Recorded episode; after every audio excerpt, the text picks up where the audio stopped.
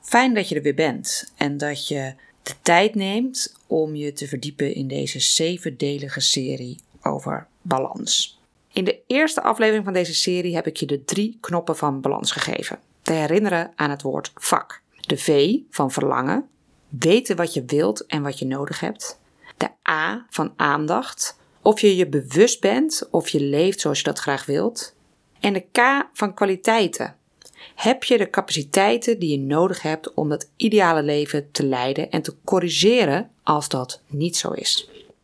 In deze en in de komende aflevering wil ik twee tools met je delen die je bij alle drie de knoppen van pas komt. Het gaat om persoonlijkheidstesten die je helpen jezelf beter te leren kennen. In de vorige aflevering vertelde ik je al hoe ontzettend het belangrijk is als jij balans wilt ervaren. En hoe meer je doet dat bij je past, hoe meer je balans je zult ervaren. Maar wat past nou daadwerkelijk bij je? Nou, persoonlijkheidstesten zijn een manier om daarachter te komen. En mensen die wat cynisch tegenover dat soort testen staan, die zeggen: Ik heb toch geen test nodig om te ontdekken wie ik ben? Of ja, alles dat in zo'n rapport staat, dat weet ik al. Feit is dat persoonlijkheidstesten razend populair zijn. En dat is echt niet alleen omdat mensen het zo leuk vinden om vrijgelijsten in te vullen. En waarom ik er zelf zo ontzettend enthousiast over ben, is omdat het duidelijkheid creëert. En nagenoeg alles weet je inderdaad onbewust wel over jezelf. Dus een test zal inderdaad niet iets boven gaan brengen waarvan je denkt, nou, nog nooit van mezelf geweten dit. Alleen het zit vaak op zo'n onbewust niveau.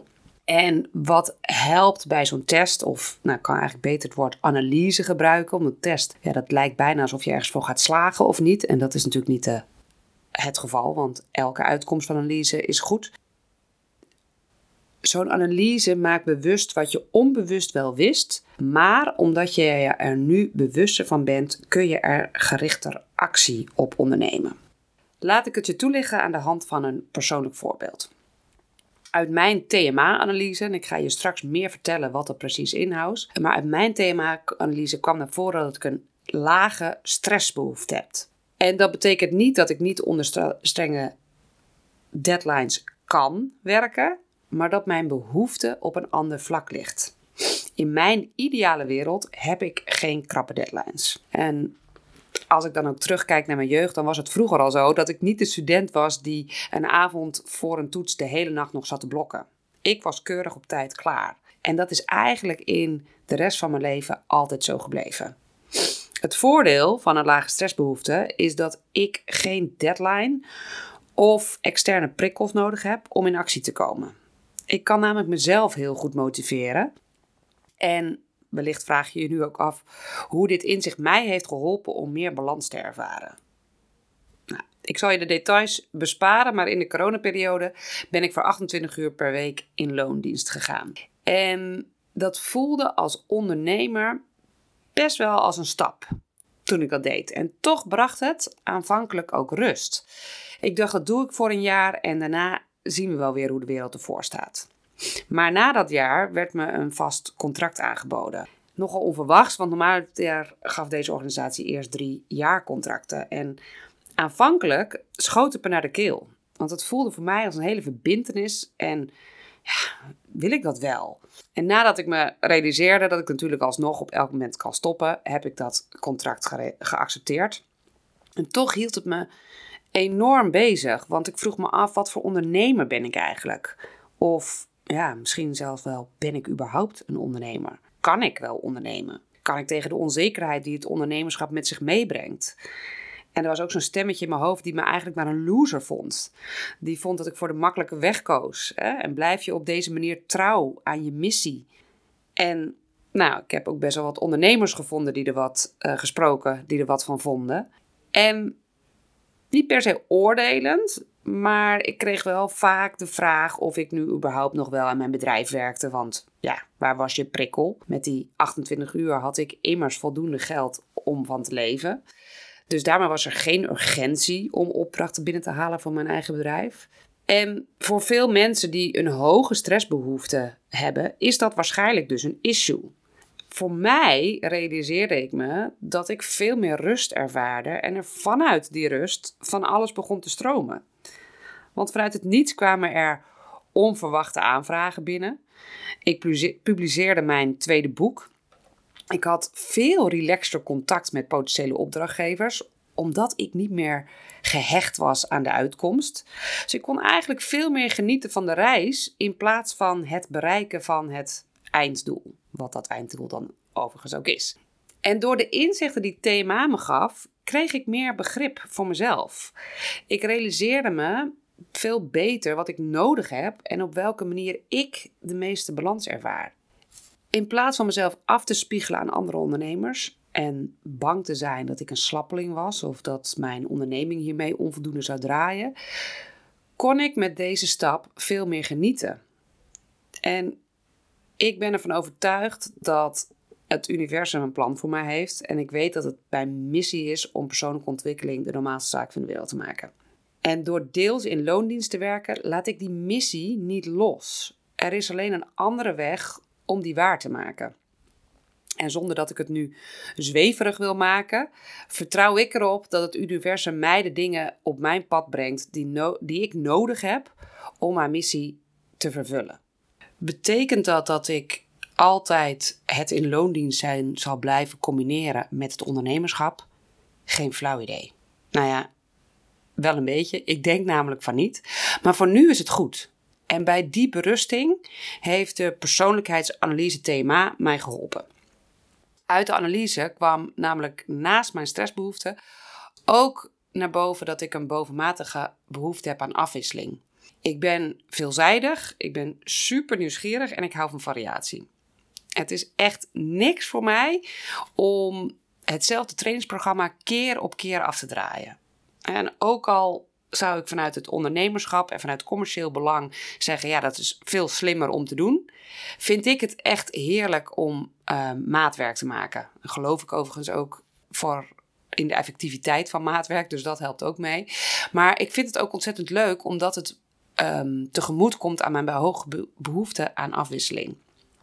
En dat geldt ook voor de combinatie van loondienst en het ondernemerschap. Ik geniet ervan om de ene dag een MT te adviseren over crisiscommunicatie, de andere keer een podcast op te nemen en dan weer een groep te, trainen um, en ga zo maar door. Die afwisseling vind ik heerlijk. Nou, daarmee heb ik je een klein inkijkje gegeven in thema, maar met name aangegeven waarom dergelijke persoonlijkheidsanalyses interessant zijn en hoe ze bij kunnen dragen aan je balans. Ze helpen je om te bepalen wat je nodig hebt en geven ook inzicht in je eigen kwaliteiten, namelijk knop 3 van vak. Ik zal je nu wat meer vertellen over thema zelf.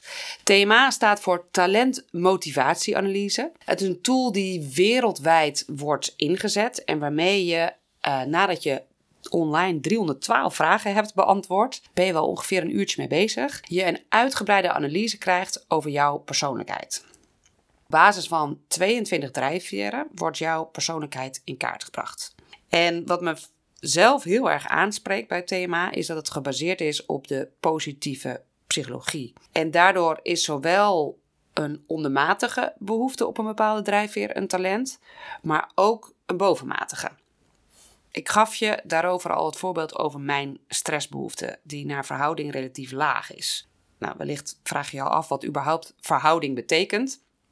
TMA uh, eh, wordt superveel gebruikt in Nederland. En overigens ook wereldwijd, zoals ik je al vertelde. Maar de verhouding die gaat over de verhouding ten opzichte van de Nederlandse beroepsbevolking. De gegevens van iedereen die in Nederland een thema-analyse invult, die worden anoniem bewaard om met elkaar te vergelijken. En jouw behoeftes worden in kaart gebracht middels een score van 1 tot en met 9. En scoor jij een 1, 2 of 3, dan is dat een talent. En scoor je een 7, 8 of 9, dan is dat ook een talent. Dat betekent namelijk dat je afwijkt van het gemiddelde van de Nederlandse beroepsbevolking. En als je afwijkt, is dat dus iets bijzonders, iets unieks en daarmee een talent. Iets wat minder mensen precies zo hebben zoals jij. Dat maakt je uniek. Persoonlijk vind ik overigens ook de balansscore, dat is namelijk een 4, 5 of 6 zoals het thema dat, uh, dat noemt, vind ik eigenlijk ook een talent. Het is dan weliswaar ten opzichte van de Nederlandse beroepsbevolking niet zo uniek, maar het geeft wel aan dat je op een specifieke behoefte zowel een deel bezit van het ene talent als van het andere talent. En dat maakt je dus flexibel om op een schaal te schakelen. En dat kan bijzonder handig zijn. Neem bijvoorbeeld die stressbehoefte. En ik zal je straks ook echt nog wel wat andere voorbeelden geven. Uh, maar als we die stressbehoefte pakken, dan raak je dus niet zo snel in de stress van dingen, van deadlines. En kan je zowel goed functioneren onder spanning als onder rust. Nou, lijkt mij dus heel erg handig en dus ook zeer zeker een talent. Ik denk dat het wat saai wordt om alle drijfveren hier te bespreken. Heb je daar interesse in? Kijk dan even op www.succesvolbalanceren.nl slash TMA. En daar lees je ook wat de prijzen zijn van deze analyse en hoe je die kan doen. Ik zal bij elke categorie een drijfveer omschrijven, zodat je wel een beeld krijgt van wat thema dan in kaart brengt. De eerste categorie is emotionele balans. En dat gaat naast je stressbestendigheid, zoals ik jullie net al vertelde, bijvoorbeeld ook om de steunbehoefte die iemand heeft. Scoor je daar hoog op, dan is dat een talent. En dat betekent dat je makkelijk om hulp kan vragen en die ook goed kan ontvangen. Dat je bijvoorbeeld een echte teamplayer bent. En als zelfstandig ondernemer kan, hoeft overigens niet hoor, maar dan kan het zijn dat je zeker in het begin veel alleen doet. En als je van jezelf weet dat jij een hoge steunbehoefte hebt, is het goed om daar rekening mee te houden. Zorg bijvoorbeeld dat je onderdeel wordt van een mastermind club, zodat je voldoende met andere mensen kan sparren. Als je een lage steunbehoefte hebt, ben je heel zelfstandig en zelfredzaam. En je hebt weinig hulp nodig en bent niet afhankelijk van begeleiding. Lijkt mij dat dat vrij logisch klinkt dat dat ook een talent is. De volgende categorie die TMA hanteert is motieven. En het voorbeeld dat ik over mezelf gaf, over de behoefte aan afwisseling, die behoort in deze categorie. Daarnaast bijvoorbeeld ook ambitie en uitdaging. Die drijfveer die brengt in kaart in welke mate iemand succes wil hebben. Scoor je hoog, dan is dat een talent, omdat je erg prestatiegericht en ambitieus bent. Je bent fanatiek en een echte gemotiveerde aanpakker.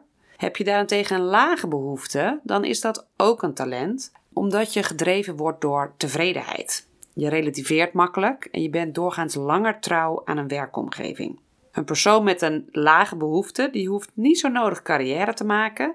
Die gunt andere mensen succes en zal ook niet zo snel ellebogenwerk gebruiken. Dan hebben we de categorie sociale talenten. Dat gaat over de mate waarin je wil conformeren. Hoe extravert ben je? Welke behoefte heb je om anderen te helpen? Het gaat over sociale empathie en de mate waarin je behoefte hebt aan vriendschap en sociaal contact. Een voorbeeld van de categorie beïnvloede talenten is confrontatie. Dat gaat over de behoefte die iemand heeft om confronterend te reageren en grenzen aan te geven. Scoor je hoog, dan heb je een talent op assertiviteit. Scoor je laag, dan heb je een talent op tolerantie. Bij de categorie leidinggevende talenten kun je denken aan besluiten nemen. Dat gaat over de mate waarin iemand stelling wil nemen, behoefte heeft besluiten te nemen en daaraan vasthoudt. Scoor je laag, dan ben je bedachtzaam en neem je genuanceerde besluiten. Je wil meer feiten verzamelen en de omstandigheden bekijken voordat je een keuze maakt. Bovendien betrek je anderen in je besluit, dus een mooi talent. Scoor je daarentegen hoog, dan beslis je snel. Ben je initiatiefrijk en probleemoplossend. Dus ook zeer zeker een talent. De laatste categorie is organisatorische talenten. Daaronder valt je doelgerichtheid met aan de ene zijde mensen die procesgericht zijn en aan de andere zijde mensen die het talent hebben om doelgericht te zijn. En daarnaast gaat het in deze categorie ook over de mate van behoefte aan orde en structuur en pragmatista. Alleen met het inzicht in deze drijfveren en de bijbehorende talenten leer je al ontzettend veel over jezelf. Maar thema gaat nog een stapje verder. Ze hebben namelijk 53 competenties vastgesteld die uitgebreid zijn gevalideerd en op elk niveau gedragsvoorbeelden bevat. En met de niveaus bedoel ik dat er een algemeen niveau is, een operationeel niveau, een tactisch niveau en een strategisch niveau. En op basis van de antwoorden die je op de 312 vragen hebt gegeven, brengt thema in kaart voor elk van die competenties hoe hoog jouw leerbaarheid is. Dus het gaat er niet zozeer in of je al echt competent bent, maar hoe makkelijk je een competentie eigen kunt maken. En hoe meer competenties je inzet waar je ook daadwerkelijk van nature aanleg voor hebt, hoe minder energie iets je kost, of in andere woorden, hoe meer je in balans bent. Competenties gaat bijvoorbeeld over plannen en organiseren, over overtuigingskracht, delegeren, groepsgericht leiding geven, commercieel vermogen en politieke sensitiviteit. Nou, dat zijn er even een paar, want 53 wordt een beetje saai als ik die allemaal opgenoemen. TMA die biedt met deze toevoeging van die competenties heel veel kansen om je ontwikkelingspotentieel in kaart te brengen. Namelijk, je kunt daarmee kijken welke competenties voor een specifieke functie noodzakelijk zijn.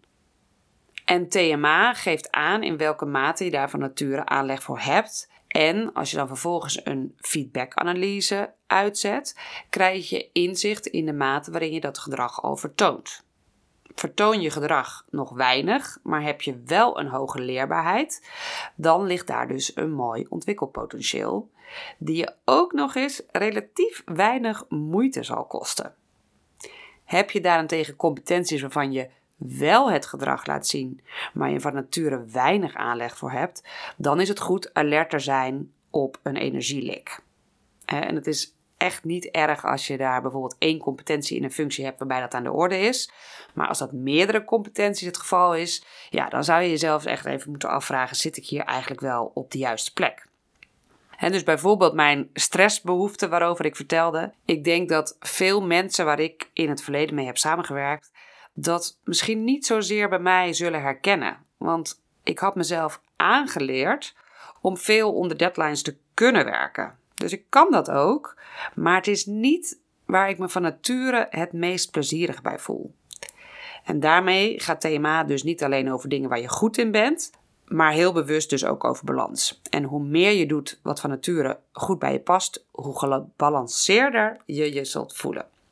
Ik weet dat sommige mensen met dit soort analyses het gevoel hebben een beetje in een hokje geduwd te worden. En dat geldt vaak zelfs nog meer voor de analyse die ik in de volgende aflevering met je ga delen. Maar als het je lukt om daar niet zo zwart-wit naar te kijken, dan helpt het juist enorm. Het zorgt voor acceptatie en duidelijke handvatten. En overigens doen we het ondanks dat die weerstand er soms zit, te pas en te onpas. Kijk maar eens naar een kind dat nogal druk is. Veel ouders laten hun kind in dat geval testen en vinden het fijn als er op het labeltje ADHD komt. Weet je, het is niet als dat labeltje eenmaal is geplakt dat dat kind opeens anders is. Het is nog precies hetzelfde. Alleen het helpt ouders om op een andere manier naar het kind te kijken, te kunnen accepteren en te weten wat het het beste kan doen in die situatie. Ik heb dat zelf ervaren toen mijn schoonmoeder destijds de diagnose Alzheimer kreeg. Voordat die diagnose was gesteld, was er best wel de nodige onderlinge irritatie. En aanvankelijk, toen de Alzheimer nog niet zo ernstig was, uh, begon dat met kleine dingen. Um, ik kan me herinneren dat toen ik bevallen was van mijn dochter, dat ze in twee uur tijd wel drie keer tegen mij zei hoe ontzettend moe ik eruit zag. Tja, niemand, denk ik, die dat echt heel erg leuk vindt om te horen. En ik wist het ook wel. Ik was net bevallen namelijk. Dus er begon wat irritatie van, ja, dit is nu de derde keer dat je het zegt. Ik weet het wel. Dat was nog een kleine irritatie. Maar later zorgde het zelfs voor ruzies. Omdat ze ondanks de longaandoening die ze ook had, niet stopte met roken. En daarover was, in ieder geval bij mij en mijn man, onbegrip en irritatie. Totdat werd vastgesteld dat ze Alzheimer had en een arts ons aangaf dat het haar niet meer zou lukken om te stoppen met roken, omdat ze door de Alzheimer de ernst van haar longaandoening niet inzag. Dat vergat ze namelijk elke keer weer en daarmee dus ook de noodzaak om te stoppen. Was mijn schoonmoeder een ander mens geworden na het labeltje Alzheimer? Nou, absoluut niet, maar voor ons zorgde het wel voor begrip en acceptatie. En ondanks dat dit voorbeeld van mijn schoonmoeder natuurlijk een totaal ander voorbeeld is, gaat het principe wat mij betreft ook op voor persoonlijkheidsanalyses. En dat vertelde ik al aan het begin. Ik wist door thema de niet helpende stemmetjes in mijn hoofd de mond te snoeren. En ik kan je vertellen, dat is heel erg fijn. Met mijn bedrijf Succesvol Balanceren train en coach ik in de breedste zin van het woord in balans. Ik ben ervan overtuigd dat medewerkers in balans gelukkiger zijn. En ik vind ook dat dat bovenaan het verlanglijstje van elke organisatie zou moeten staan. Waarom? Omdat gelukkige medewerkers tot 50% minder vaak ziek zijn, 9 keer zo loyaal en tot 12% productiever. En daarmee zijn onze trainingen geen kostenpost, maar een investering die zichzelf terugverdient. En dat geldt ook voor analyses zoals thema. Kijk voor meer informatie daarover op www.succesvolbalanceren.nl/thema of mail me op info@succesvolbalanceren.nl om een kennismakingsafspraak in te plannen waarin we bespreken wat we voor jou of jouw bedrijf kunnen betekenen. Hiermee zijn we bijna aan het einde van deze aflevering. En het leuke van mens zijn is dat je nooit bent uitgeleerd over jezelf. Zelfs dezelfde test of analyse kunnen je op verschillende momenten in je leven verschillende inzichten geven. En dat is niet omdat de resultaten anders zijn, maar omdat er op dat moment andere dingen in je leven spelen. En daarom ben ik ook geen promotor van één specifieke test. En zal je me nooit horen beweren dat het bijvoorbeeld thema zaligmakend is. Het is maar waar je als mens op dat moment behoefte aan hebt en dus ook het meest voor open staat. Gelukkig heb je superveel verschillende soorten analyses. En de een is wat mij betreft niet beter dan de ander, maar simpelweg anders. En de een sluit wat mij betreft beter aan op het ene moment of bij de ene persoon en de ander bij de ander. En daarom neem ik je in de laatste aflevering van deze reeks mee in een tweede waardevolle tool die je in kan zetten. Ik nodig je van harte uit om die aflevering te luisteren. Ik wil je voor nu enorm bedanken en een hele fijne dag wensen.